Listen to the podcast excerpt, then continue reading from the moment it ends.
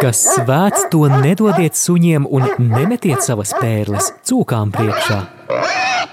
Ļoti noslēpumaina rakstu vieta. Iespējams, arī tu lasot šos Jēzus vārdus vai dzirdot tos misē, esi domājis, ko tas īsti nozīmē. Par to runāsim raidījuma beigās.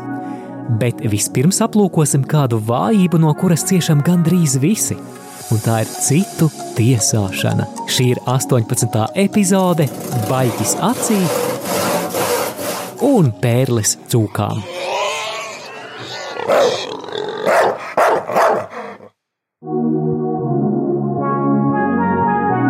Randiņš ar Bībeli. Studijā Māris Veliks.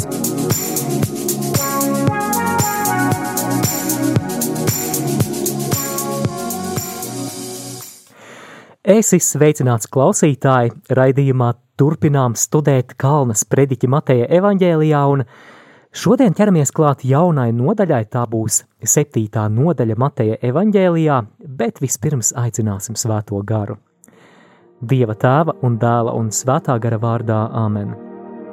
Nāc svētais gars, nāc gudrības un atklāsmes gars, nāc padoma un spēka gars, nāc dievbijības un dieva bijāšanas gars, nāc svētais gars, kas iedvesmoja evaņģēlistus, nāc svētais gars, seno praviešu uguns avots, nāc svētais gars, mīlestības gars, piepildi mūs un ļauj caur Dieva vārda studijām vairāk iepazīt un iemīlēt Jēzu. Tēvs mūsu, kas esi debesīs, svētīts lai top tavs vārds, lai atnāk tava valstība, tavs prāts, lai notiek kā debesīs, tā arī virs zemes. Mūsu dienišķo maizi dod mums šodien, un piedod mums mūsu parādus, kā arī mēs piedodam saviem parādniekiem un neieved mūsu kārdināšanā, bet atpestī mūs no ļaunā. Āmen! Svētais Matei lūdz par mums!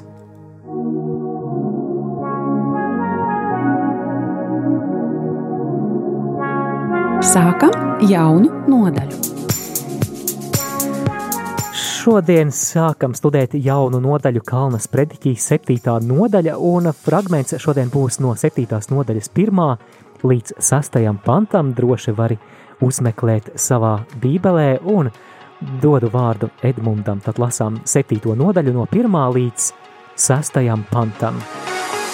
Netiesājiet, lai jūs netaptu tiesāti, jo ar kādu tiesu jūs tiesājat, ar tādu jūs tapsiet tiesāti, un ar kādu mēru jūs mērojat, ar tādu jums taps atmērots.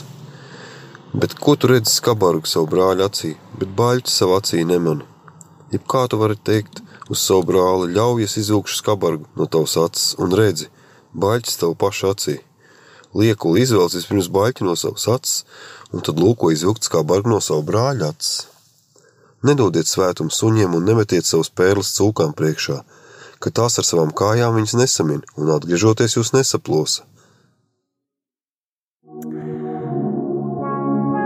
Iepriekšējos divos randiņos ar Bībeli mēs studējām tādu garāku tematisko bloku Kalnas prediķī par mācekļu attieksmi pret materiālām lietām.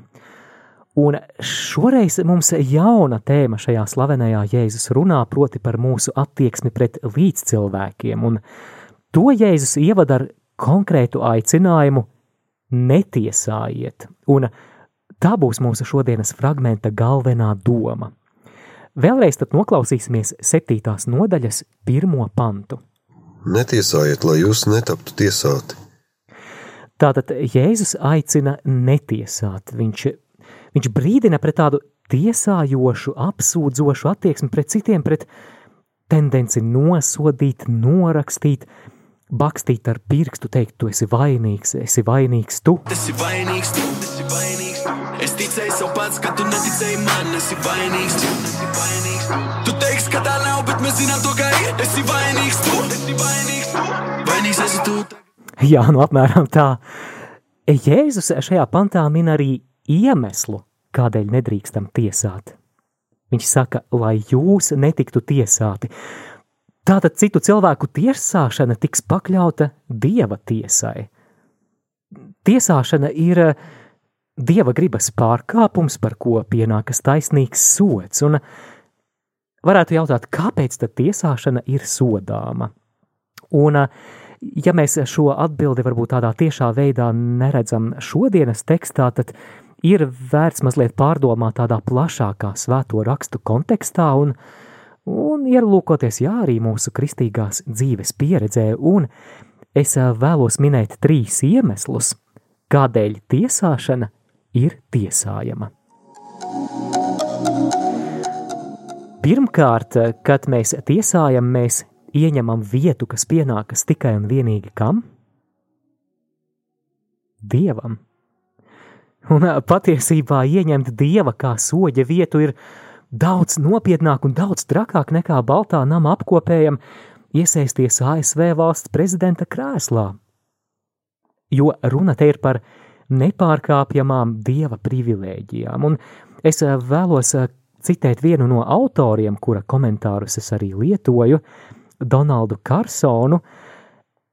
Viņš šī pirmā panta ideju pārfrāzē tā: Neieņem dieva vietu, uzskatot, ka tev ir tiesības visu tiesāt. Nedari tā, es tev saku, lai dievs, kura vietu tu esi uzurpējis, nesauktu tevi pie atbildības. Jā, Atcerēsimies arī, ka apustulis Pāvils vēstulē romiešiem 14. nodaļā, 10. pantā par to saka: Kādēļ tu tiesā savu brāli, un kādēļ noniecini savu brāli?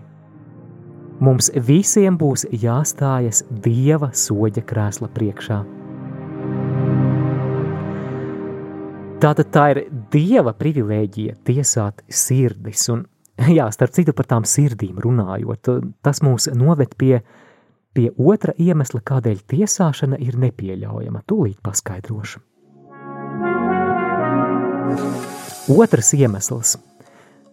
Mēs patiesībā nezinām citu cilvēku sirds dziļumus, un tāpēc mēs nevaram spriest objektīvi. Respektīvi, mums nav dots ielūkoties tajā, kas ir paši dziļākie cēloņi, jeb motīvi, kāpēc cilvēks ir rīkojies, rīkojies tā un ne citādi. Un līdz ar to mūsu spriedums gandrīz vienmēr ir ļoti, ļoti virspusējs. Mēs redzam tikai ārēji, bet Dievs redz sirdis. Sakām vārdu grāmatā 21. nodaļā, 2. pantā ir, ir teikts, ka izvērtēt sirdis kunga ziņā. Jā, viņš zina tos iemeslus un, un cēloņus sirds dziļumos. Piemēram, piemērs praktisks. Mēs darbā redzam, ka mūsu kolēģis šodien īsti nestrādā, un tad nu mūsu tāds pārsteidzīgais, acu mirklīgais spriedums ir sliņķis tāds. Bet vai mēs zinām tos dziļākos iemeslus? Varbūt tomēr ir kādi apstākļi, kas runā par labu mūsu kolēģim.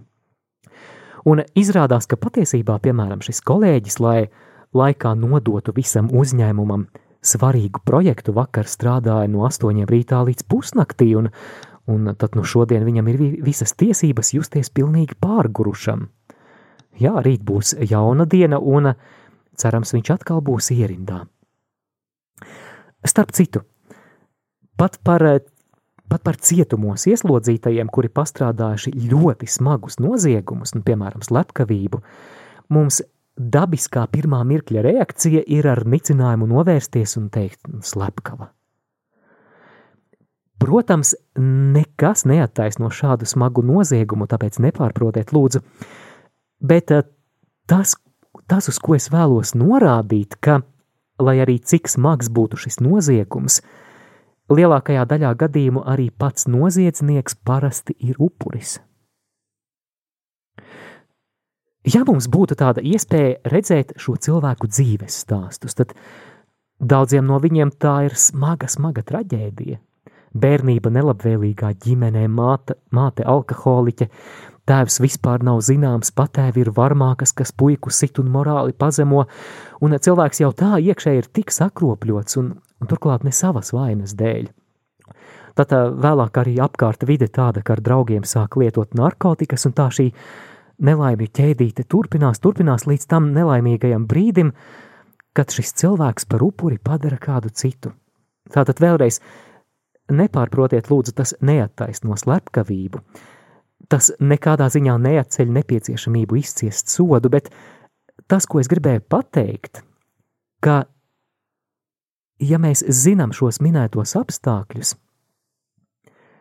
ja varētu teikt, ja mēs pietuvojamies tuvāk cilvēka sirdī, mēs varbūt mazliet, mazliet vairāk spējam sajust līdzjūtību pret šo nelaimīgo cilvēku. Bet Dievs zina tos sirds dziļumus. Un eh, Dievs ir ļoti, ļoti līdzjūtīgs. Līdz pat tam, ka Jēzus teica, atcerēsimies Mateja 25. nodaļā, es biju cietumā, un jūs mani neapmeklējāt. Tātad pirmais iemesls, kādēļ tiesāšana ir nepieļaujama, tā ir tikai un vienīgi dieva privilēģija. Otrais - mēs nespējam ielūkoties cilvēka sirdī, lai spriestu taisnīgi.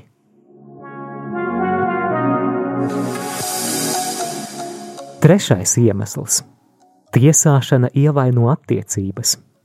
Jā, tā šķeļ kopienas vienotību, tā sarauj mīlestības saites, un atcerēsimies, ka Jēzus šeit uzrunā savu mācekļu kopienu, kas ir jaunais Izrēlis, un viņš ir ieinteresēts tās vienotībā un saliedētībā.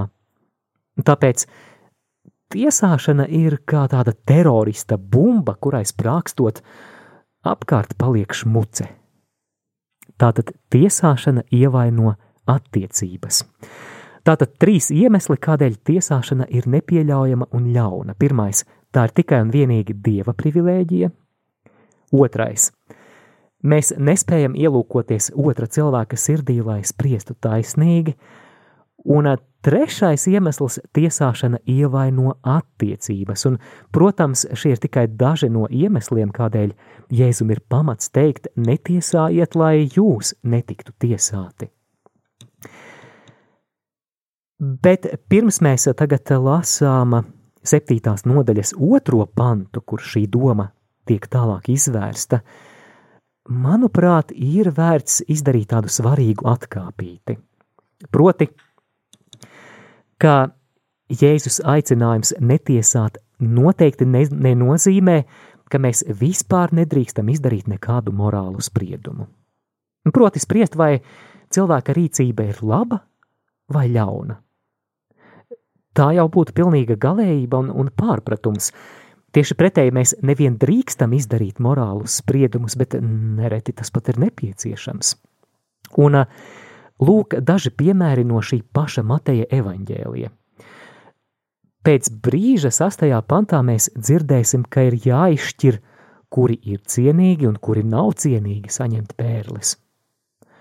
Tātad te ir nepieciešams morālais vērtējums un atpazīšana, un es saprotu, ka virspusēji skatoties var šķist, ka tā ir tiesāšana.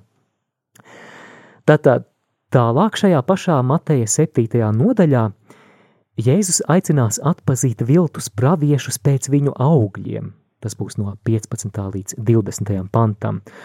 Lūk, atkal morāls vērtējums. Vēlāk Mateja 18. nodaļā Jēzus pat aicinās uzrādīt brāļa vainu. 15. pantu citēšu, ja tavs brālis pret tevi grēko, tad ej un uzrādi viņa vainu, ka tas ir divatā. Un tad tālāk Jēzus turpina, ka, ja brālis neklausa, viņš pat aicina konfrontēt šo brāļa vainu liecinieku priekšā. Ko no tā var secināt? To, ka Jēzus aicinājums netiesāt noteikti nenozīmē būt tādiem akliem un un neredzēt citu vainas. Tas nenozīmē vispār nevērtēt, vai konkrētā rīcība atbilst vai neatbilst dieva likumam. Bet kur tad ir atšķirība? Tad no uzmanību veselīgas morālas vērtēšanas pazīme pretstatā, pretstatā tiesāšanai ir spēja nošķirt konkrēto rīcību no personas. Vēlreiz, spēja nošķirt rīcību no personas. Nu, tu jau zini, ka mēdz teikt, ka Dievs nīst grēku, bet mīl grēcinieku. Jā, pavisam, jā, viena lieta ir izvērtēt rīcību, un tas ir pilnīgi normāli teikt, ka tas darbs ir labs, bet tas ir ļauns. Bet cita lieta ir tad, kad mēs norakstām pašu personu. Un uh, tas var izpausties kā nicinājums pret cilvēku, kā cita cilvēka reputācijas graušana, piemēram, aprunājot, vai mēs piekaram cilvēkam birku pārkāpējs, grēcinieks vai, vai vēl kaut ko ļaunāku. Tātad tas, kas atšķir veselīgu morālu rīcības izvērtēšanu, izvērtēšanu no tiesāšanas, ir spēja nošķirt rīcību no personas.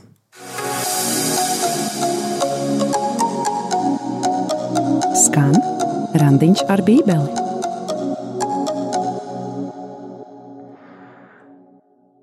Otrajā pantā, tātad mēs joprojām septītajā nodaļā, otrajā pantā Jēzus paskaidro domu, lai jūs netiktu tiesāti, un klausāmies šo otro pantu.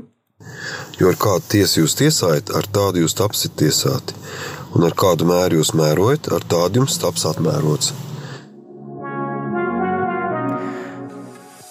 Domājot par šo pantu, man nāk prātā bumerangs. Tiem, kas nezina, es atgādināšu, ka bumerangs ir Austrālijas aborigēnu metamais medību rīks, kuram ir tāda aerodinamika, kurš tik īpatnēji rotē, ka tas vēlāk atgriežas atpakaļ pie metēja. Tu aizmet projām, un tas atgriežas pie tevis atpakaļ. Tad nu, kaut kas līdzīgs bumeranga principam darbojās arī garīgajā realitātē. Ko tu esi devis, tu precīzi saņem atpakaļ, vai, vai varētu teikt, ka tas ir tas sējas un pļaujas princips, ko tu sēji, to tu arī pļauj. Piemēram, tu, tu met, es, es to saku tā metaforiski, līdzībā, tu, tu met žēlsirdību un atpakaļ atlido kas? Žēlsirdība. Atcerēsimies Mateja 5, 7 laimīgi žēlsirdīgie, jo Dievs būs viņiem, un tu jau zini turpinājumu, žēlsirdīgs. Tātad žēlsirdības bumerangs atgriežas atpakaļ, vai, vai cits piemērs. Tu met, atkal es to saku metaforiski, tu met piedošanu un atpakaļ saņem piedošanu.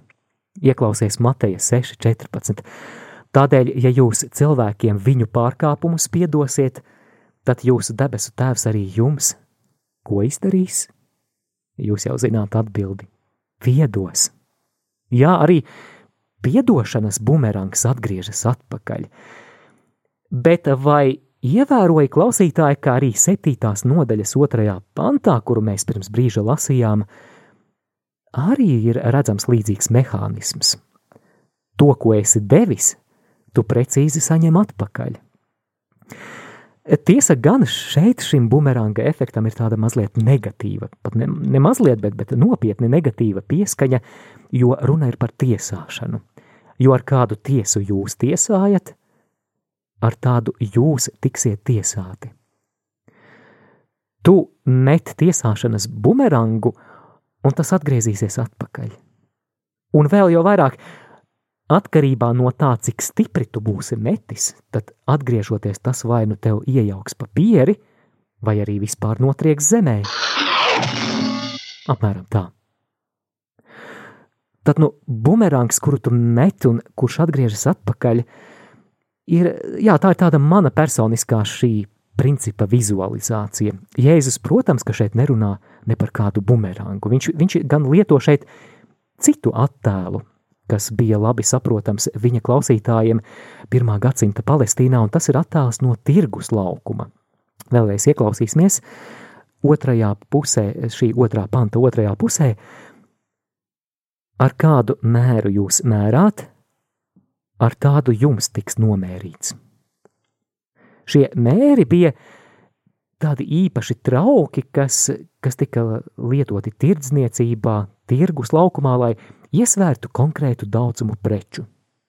Piemēram, viens mērs kviešu ir līdzvērtīgs precīzi tādam pašam mēram kviešu. Un ne, ne kaut kam mazāk, ne, ne vairāk. Attiecinot to uz tiesāšanu, var teikt, ka mērs, ar kādu tu tiesāji citus, ir tas pats mērs, ar kuru tu tiksi tiesāts.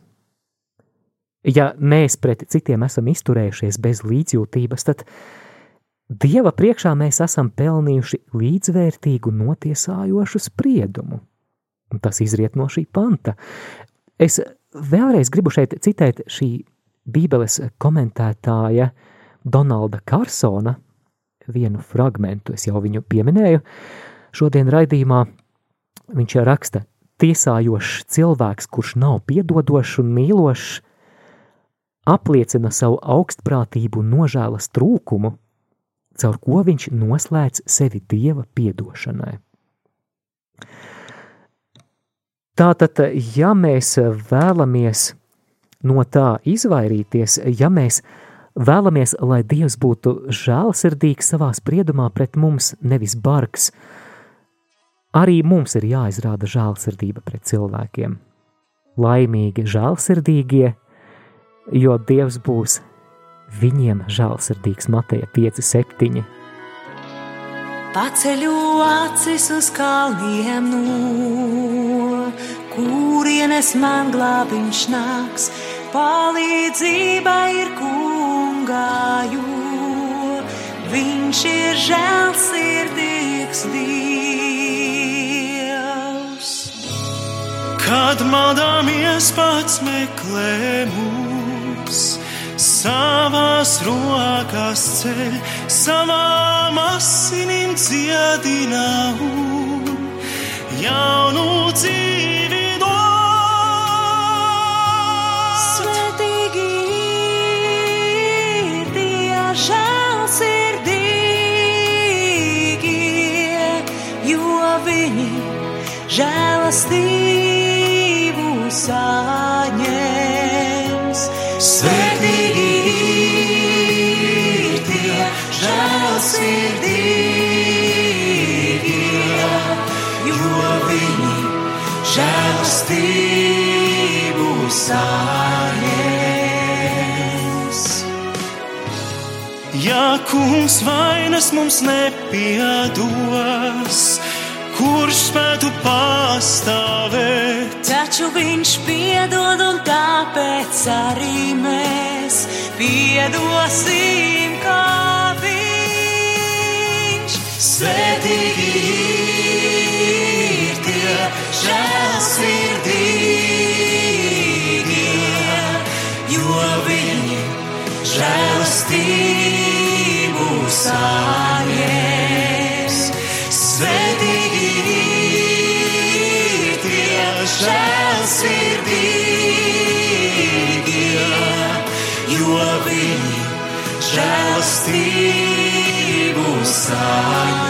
Sveicināts, sveicināts, dārgo klausītāji! Esam atpakaļ ēterā. Raidījums Randiņš ar Bībeli jau 18.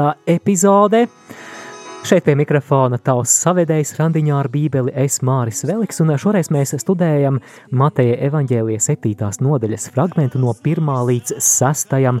pantam, un es vēlos atgādināt arī klausītāji, ja dzirdi šo raidījumu tiešraidē piekdienā, tad droši var iesaistīties ēterā, ja tev ir kas komentējams, tad uh, droši iesaisties, droši var radīt to sajūtu, ka tur ārpusē pie radioaparātiem ir kaut kāda dzīvība. Iesaisties ēterā, zvanot uz studijas tālruni 67 969 131 vai rakstot īsiņu uz numuru 266 77 272. Izmanto arī e-pasta iespēju Studija at rml.lv. Turpināsim ar Mateja evaņģēlijas 7. nodaļas fragmentu no 3. līdz 5. pantam.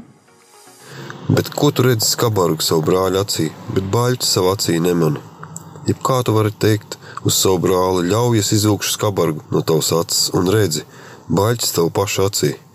Lieku izvēles vispirms baļķi no savas acis, un tad lūko izvilkt skabargu no savu brāļa acis.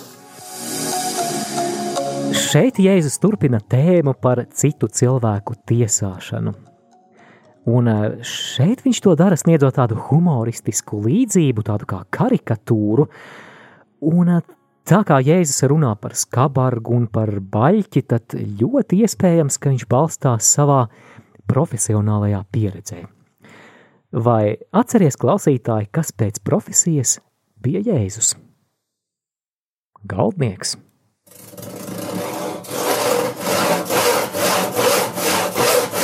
Un tā ir pilnīgi normāla situācija, ja galvenieka darbnīcā ēvelējot vai zāģējot, kāda sīka skaida trāpā acī.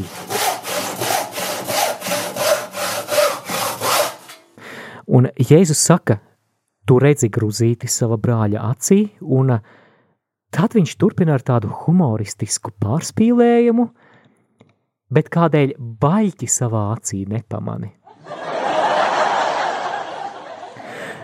ja vēlaties klausītāji šeit saklausīt Jēzus humoru, pamēģini vizuāli iztēloties, kā izskatās cilvēks, kuram acī ir baļķis, bluķis kaut kāds, tā kā no, no jumta sijas. Un turklāt ar visu šo baļķi savā acī šis cilvēks vēl mēģina skalot smadzenes otram. Un es varu tikai iztēloties, ka Jēzus klausītājiem noteikti nebija garlaicīgi. Noteikti. Un ļoti iespējams, ka šeit viņi smējās, jo viņi ļoti labi saprata šo Jēzus ironiju. Jā, bet, bet ja šis veids, kādā Jēzus šo līdzību saka, ir humoristisks, tad doma, kuru viņš vēlas pateikt, ir patiesībā ļoti nopietna. Viņš runā par kādu ļoti izplatītu tendenci, ka citu kļūdas mēs pamanām vieglāk nekā savējās. Vēlreiz. Citu kļūdas mēs pamanāma vieglāk nekā savējās. Tad, tā ir tā galvenā problemātika, kuru viņš adresē šajā fragmentā no 3. līdz 5. pantam.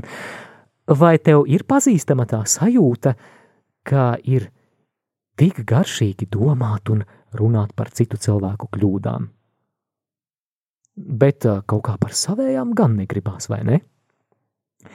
Un tad, nu, izmantojot Jēzus līdzību, var teikt, ka grūzītis citu acī ir tiek viegli pamanāms, un mums patīk to aplūkot, varbūt aptaustīt un par to pastāstīt citiem, bet baļķi savā acī mēs neredzam. Starp citu, starp citu, vecajā derībā ir viens fantastisks piemērs tam, kā tas ir, kad mēs spējam saskatīt cita cilvēka mazāko vainu, bet neredzam savējo, kas ir daudz, daudz, daudz, daudz, daudz nopietnāka. Un, un te nu ir jāatcerās kāda bēdīga lapas puse no ķēniņa Dāvida dzīves. Atcerēsimies, ka Dāvids bija iekārojis un pārgulējis ar hetieša ūrijas sievu Batšebu. Viņa paliek stāvoklī, un jā, līdz, līdz šim šī ir tāda tā kā ziepju opera. Tomēr tālāk stāsts kļūst par asa sižeta trilleri. Lai šo ārkārtīgi neveiklo situāciju risinātu, Dāvids izkārto tā, lai Batšebas vīrs Ūrija ietu bojā. Un te jau, te jau ir skaidrs, ka Dāvida acī šajā brīdī ir ļoti liels baļķis, ļoti liels baļķis. Un tad otrā Samuēla, grām, otrajā Samuēla grāmatā 12. nodaļā mēs lasām, ka Dievs pie Dāvida sūtīja pravieti Nātanu – Un pravietis Dāvidam stāsta tādu pravietisku līdzību, un lūk, pravieša vārdi sākot no 12. nodaļas 1. panta. Klausāmies! Divi vīri bija vienā pilsētā, viens bagāts, otrs nabaks. Bagātiem bija ļoti daudz sīklopu un lielo. Bet nabagiem no vis tā nebija nekā. Vienīgi viens pats ieriņš, vēl glubži mazs, ko viņš bija pircis un izaudzējis, un kas pie viņa bija izaudzis kopā ar viņa bērniem. Tas ēd no viņa maisa rieciena un dzēra no viņa kausa, un pie viņa krūtīm gulēja, un šī mazā aitiņa bija viņam paša meita.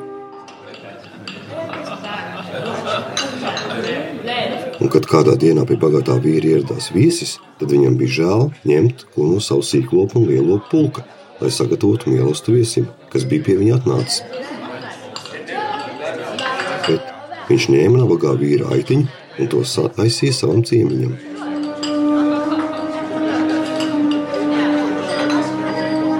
Tad Dāvids iedegās ļoti lielās dusmās pret to vīru, un viņš sacīja Nātanam: Tik tiešām tas kungs ir dzīvs, tas vīrs, kas to ir darījis, ir nāvi pelnījis, un to jēriņu, lai tas izlīgdams, atdot četrkārtīgi tādēļ, ka viņš tā ir rīkojies un nav bijis līdzcietīgs. Tad Nātans atbildēja Dāvidam: Tu esi tas vīrs, tu esi tas vīrs, tu esi tas vīrs. Jā, re, Dāvids bija sašutis par gruzīti, bet aizmirsa, ka paša acī ir pamatīgs, pamatīgs baļķis. Ikdienā var būt daudz piemēru, un varbūt arī mūsu pašu dzīvē. Es, es šeit lietošu tādus iedomātus varoņus, kādi nepastāv pasaulē, lai šo domu ilustrētu. Tātad tas nav ne par vienu personīgi, bet es vienkārši mēģinu vēlos izveidot tādu teorētisku ilustrāciju, kas patiesībā nav tālu no, no realitātes mūsu ikdienā. Piemēram, piemēram, tā varētu būt kāda pensionāre Biruta, kas apvainojusies uz draudzeni, kura viņu esot aprunājusi, lai gan Birutas mīļākais sarunu temats ir klačoties par citu cilvēku netīro veļu. Vai, piemēram, antisemīts un rasists miervaldis, kurš neieredz citu ādas krāsu cilvēkus un lolo nesaprotamu naidu pret viņiem, bet pārdzīvo par to, ka kaimiņš redz nolamāja viņa mazo sunīti vai mirdza, kura stāsta, cik slikts ir viņas vīrs Kārlis, kas mēdz dzert, bet, bet neredz, ka Kārlis dzer, jo vienkārši jūtas pazemots un salauzts no viņas nemitīgajiem pārmetumiem un zāģēšanas. Šo sarakstu varētu turpināt un turpināt, bet es ceru, ka domu sapratāt. Mums ir arī kāds klausītāja jautājums vai, vai komentārs bet vai tad nav labāk, kad laicīgi pabrīdina par to, kas nav labi? Varbūt pats arī nemani. Ļoti, ļoti labs jautājums. Un man, man šķiet, patiešām pirms mēs dodamies tālāk uz sesto pantu, ir jānorāda, ka palīdzēt brālim vai māsai viņu vājumā var pat būt mūsu pienākums. Mateja evaņģēlija 18. nodaļā, un, ja Dievs dos, tad mēs pēc kāda laika arī to aplūkosim, tā, aplūkosim tuvāk šajā raidījumā. Jēzus aicina runāt ar brāli, kurš mums ir nodarījis pāri. Atcerēsimies, ka tālāk arī liecinieku klātbūtnē, ja vajag draudzes klātbūtnē, bet eh, tas, tas, ko šajā līdzībā Jēzus vēlas pateikt, ka nav pareizi cilvēkam ar baļķi acī ķerties klāt grūzīša izvilkšanai no cita acis, jo vispirms secībai jābūt otrādai. Jo pretējā gadījumā tā būtu liekulība. Tāpēc Jēzus 5. pantā turpina, tagad es citēju no jaunā tulkojuma, tu liekuli, šeit lietots sengrieķu vārds hipokritējs. Tātad tu hipokrīti, jeb liekuli, izņem vispirms baļķi no savas acis, Tad redzēsi, kā izņemt gruzīti no sava brāļa acis. Ja ievērojāt, tad te ir noteikta secība. Tātad, pirms mēs ķeramies klāt citu cilvēku gruzīšiem, prioritātei vispirms būtu jābūt sev pašiem. Tātad mūsu, mūsu pašu pilnveidēji, tātad vispirms ir vērts sākt ar sevi. Sāks ar sevi!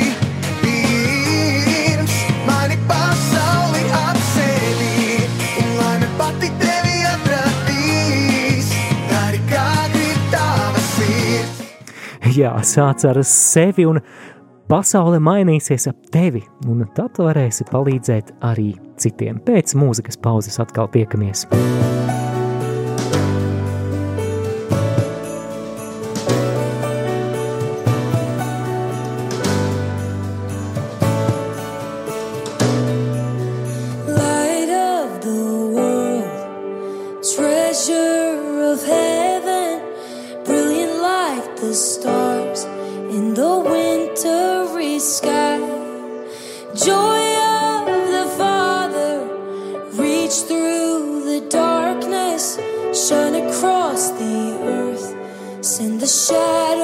to fly.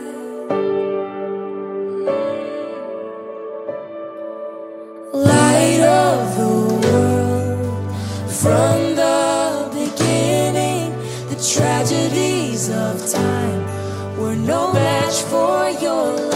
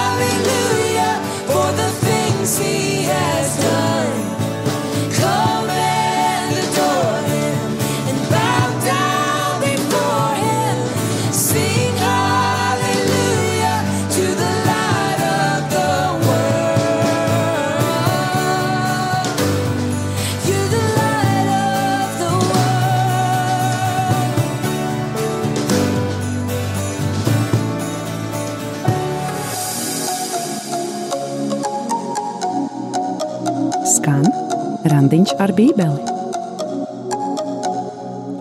Māris Veliks šeit atpakaļ ēterā, un mēs turpinām studēt Mateja evaņģēlijas septītās nodaļas fragmentu no 1 līdz 6 pantam, un tad no šodienas pēdējais sastais pants, un klausāmies. Nedodiet svētumu suņiem un nemetiet savus pērles cūkām priekšā, ka tās ar savām kājām viņas nesamin un atgriežoties jūs nesaplosa. Esam nonākuši līdz ļoti mīklainai raksturvietai. Jā, pat Bībeles komentātori, kurus es izmantoju, tā arī saka, ka šī ir mīklaina, jeb, kā viens komentators rakstīja, enigmātiska raksturvieta. Kāpēc? Jo šis nav viegli skaidrojams pants. Jo evanģēlists Matejs mums nav at- atstājis kaut kādas skaidrākas norādes, ko šeit nozīmē suņi, cūkas un pērles. Līdz ar to Bībeles pētniekiem te mazliet ir jātaustās, jeb jāmin. Bet darīsim to. Vispirms mēģināsim saprast, kas varētu būt svētums un pērles šajā pantā. Bībelē svēts ir tas, kas ir īpaši nošķirts dievam. Savukārt pērles bija dārgums, ko, nu jā, šobrīd es domāju, ka dāmas arī lieto pērles kā skaistumrotu, vai ne, dārgās dāmas, un tajā laikā tās izmantoja krāšņās, dārgās sieviešu rotās. Šeit nav gan precizēts, kas tieši domāts ar svētumu un pērlēm, bet mēs pie tā vēl atgriezīsimies pēc brītiņa. Bet uh, tagad mēģināsim saprast, kas tad īsti varētu būt suņi un cūkas šajā pantā. Kad Jēzus saka, ka svēts nedodiet to suņiem, šeit viņš nerunā par suni kā par mīļu ģimenes draugu, mājdzīvnieku, kurš ir tāds uzticamais cilvēka draugs. Jo tajā laikā Palestīnas jūdi suņus kā mājdzīvniekus neturēja. Ārpus Palestīnas, jā, mēs to redzam, piemēram, Tobita grāmatā, bet Palestīnā tas nebija pieņemts. Suņi bija klaiņojoši, netīri, nicināmi un bīstami dzīvnieki, kuri rakājās pa atkritumiem izgāstuvēs.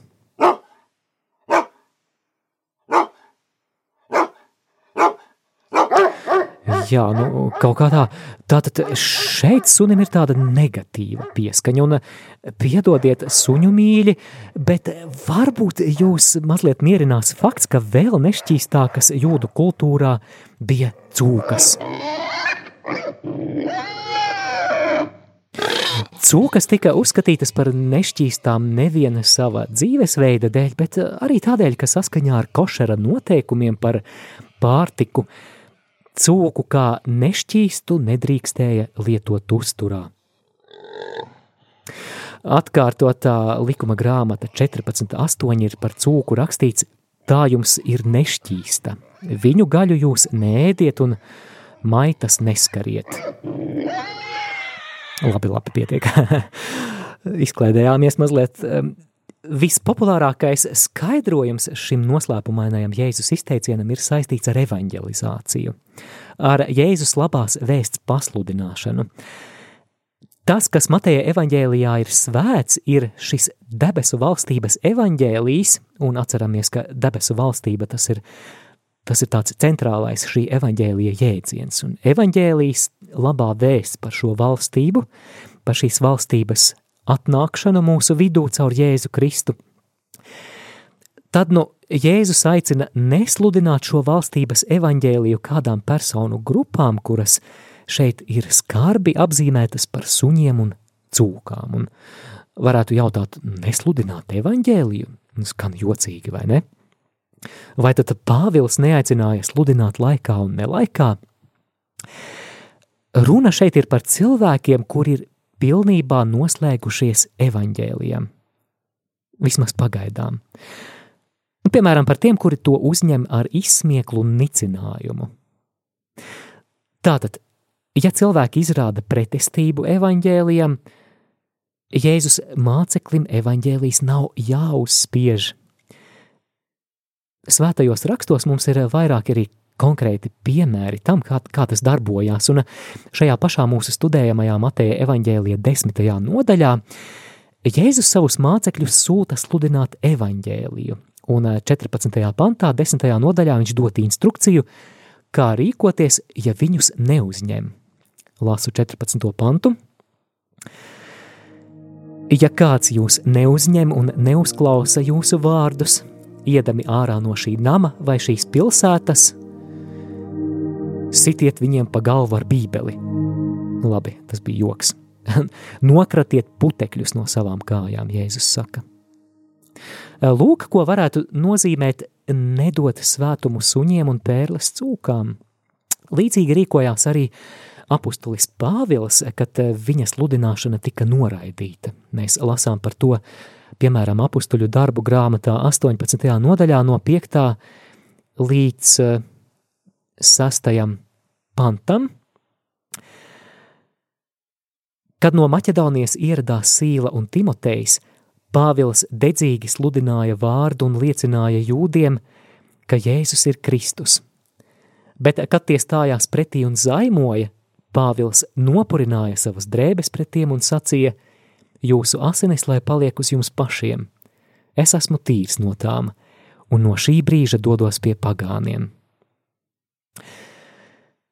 Tātad, ja kādam liecini par Dievu, bet tevi atraida, tad neuzbāzies.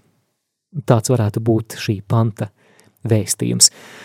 Tas gan nenozīmē, ka šiem cilvēkiem jāpaliek par šiem suņiem vai cūkām, skan briesmīgi vai ne.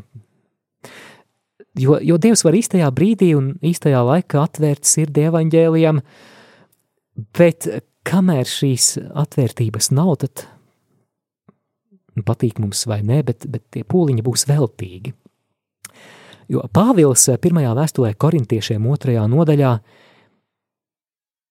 14. pantā saka, ka miesiskais cilvēks nespēja uzņemt to, kas nāk no Dieva gara, jo tas viņam ir muļķība. Viņš nevar to saprast, jo tas ir izdibināms garīgi. Jā, nu tāpēc tad um, varētu teikt, ka nemet to svētumu un pērles tur, kur tās nenovērtēs.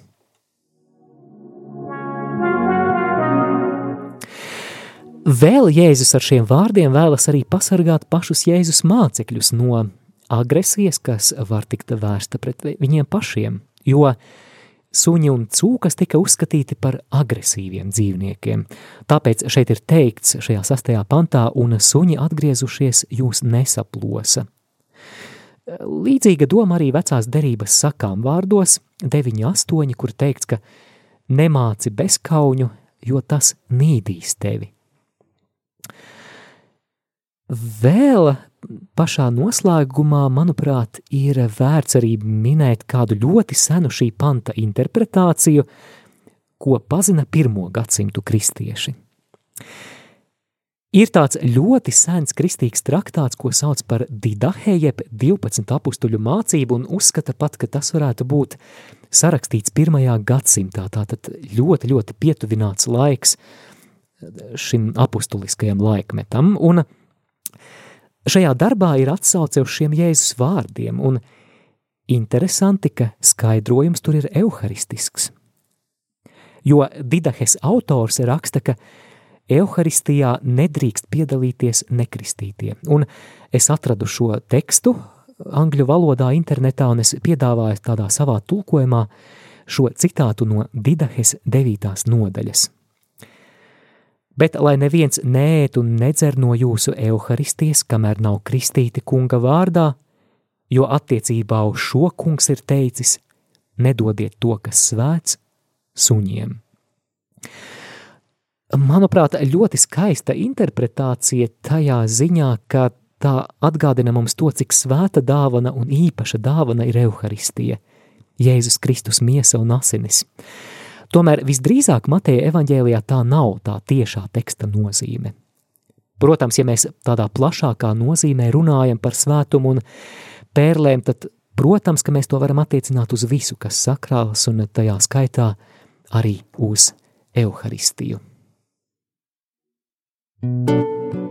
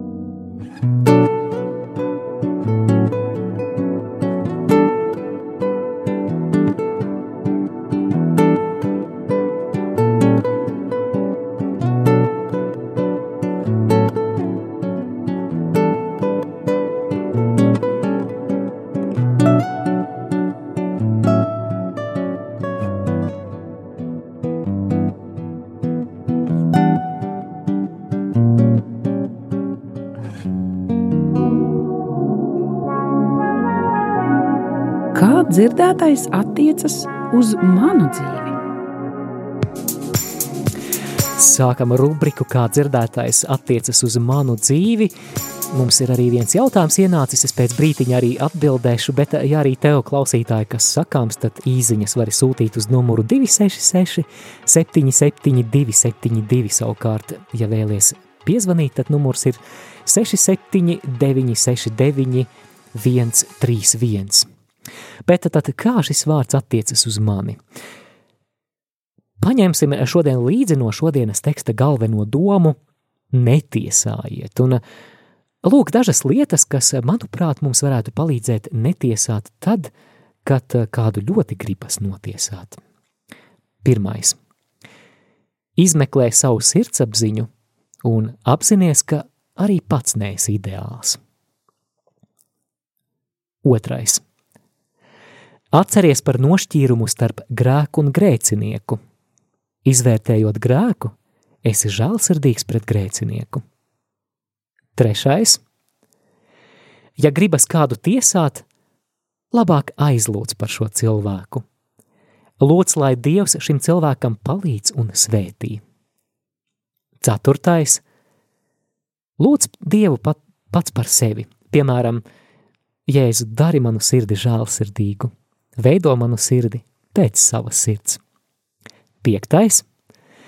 Ja esi tiesājis, nožēlo un neaizmirsti to likt Dieva priekšā izlīkšanas sakramentā. Dievs vienmēr ir ļoti, ļoti žēlsirdīgs. Un visbeidzot, sastais, atceries, ka Jēzus šo cilvēku, kuru gribas tiesāt, ļoti mīl, un par viņu ir pat miris pie krusta. Randiņš ar Bībeli. Atbildes uz klausītāju jautājumiem. Jā, atbildes uz klausītāju jautājumiem randiņa ar bībeli noslēgumā mums arī īziņa ir ienākusi ar jautājumu, kura ir atkārtotā likuma grāmata. Lielisks jautājums. Tā mūsu bībelēs pārsvarā ir atrodama kā piektā mūzus grāmata. Tātad piektā mūzus grāmata, saskaņā ar katoliskās tradīcijas nosaukumu, arī to mēs lasām katehismā, tiek saukta par atkārtotā likuma grāmatu.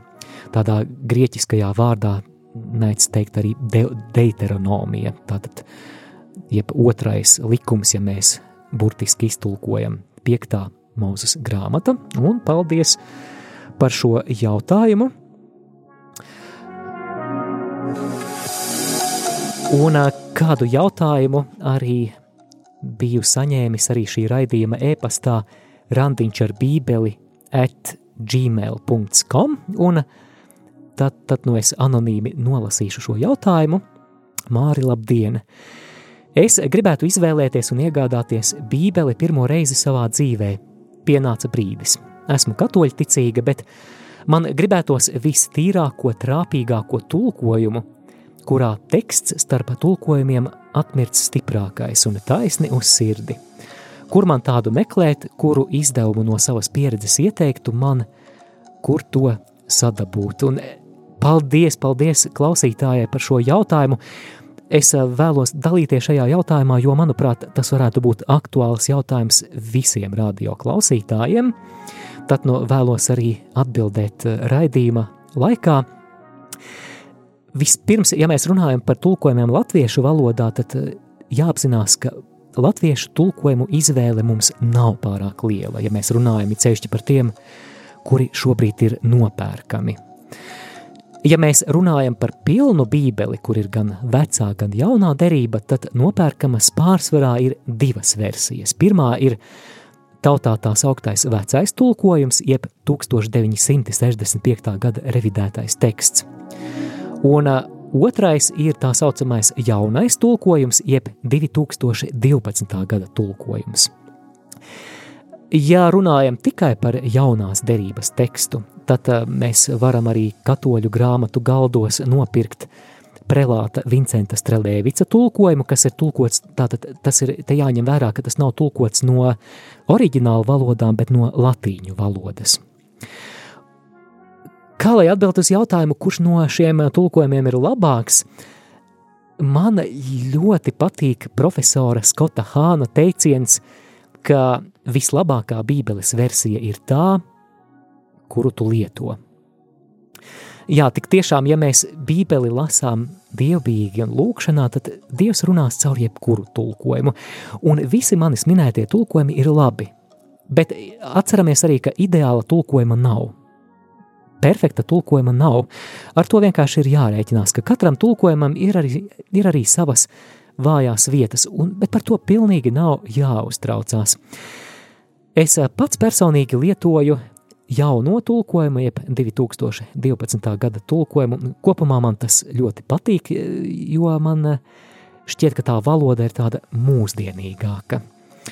Un vēl arī, it sevišķi tiem klausītājiem, kas ir katoļi, tas būtu noteikti, noteikti aktuāli un, un vienkārši lieliska iespēja, jo jaunais tulkojums šobrīd ir pieejams arī ar tā saucamajām vecās derības deuterokanoniskajām grāmatām.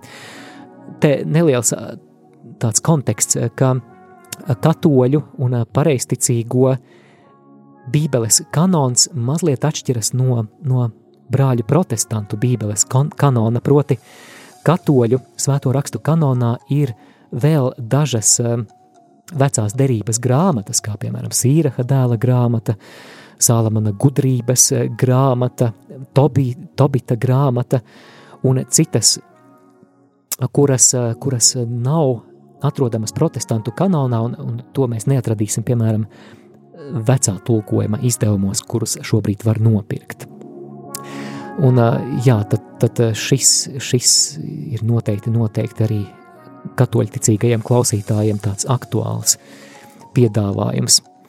Jā, un patiešām paldies par šo jautājumu klausītājai, lai Dievs svētī un, un patiešām no sirds priecājos par ilgām lasīt bībeli.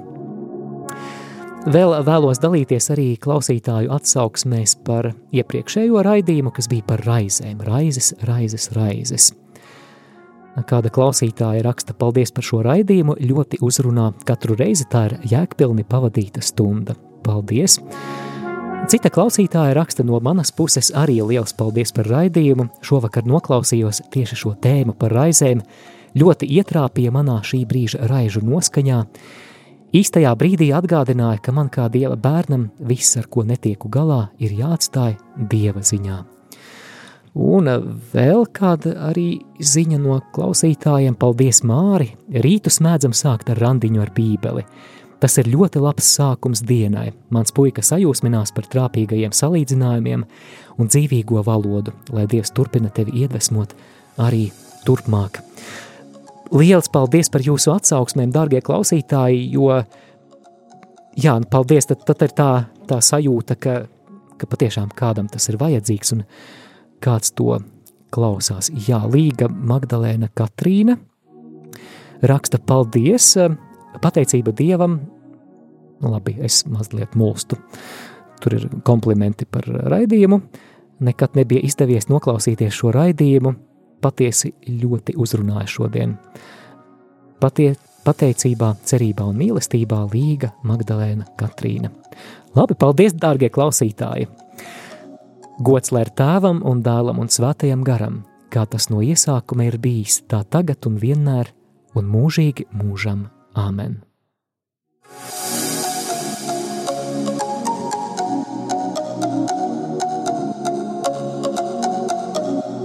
Jūs klausījāties raidījumu Randiņš ar Bībeli. Savas atsauksmes, ieteikumus un jautājumus sūtiet uz e-pastu Randiņš ar Bībeli at gmail.com. Iepriekšējās raidījuma epizodes aicinām meklēt arhīvā.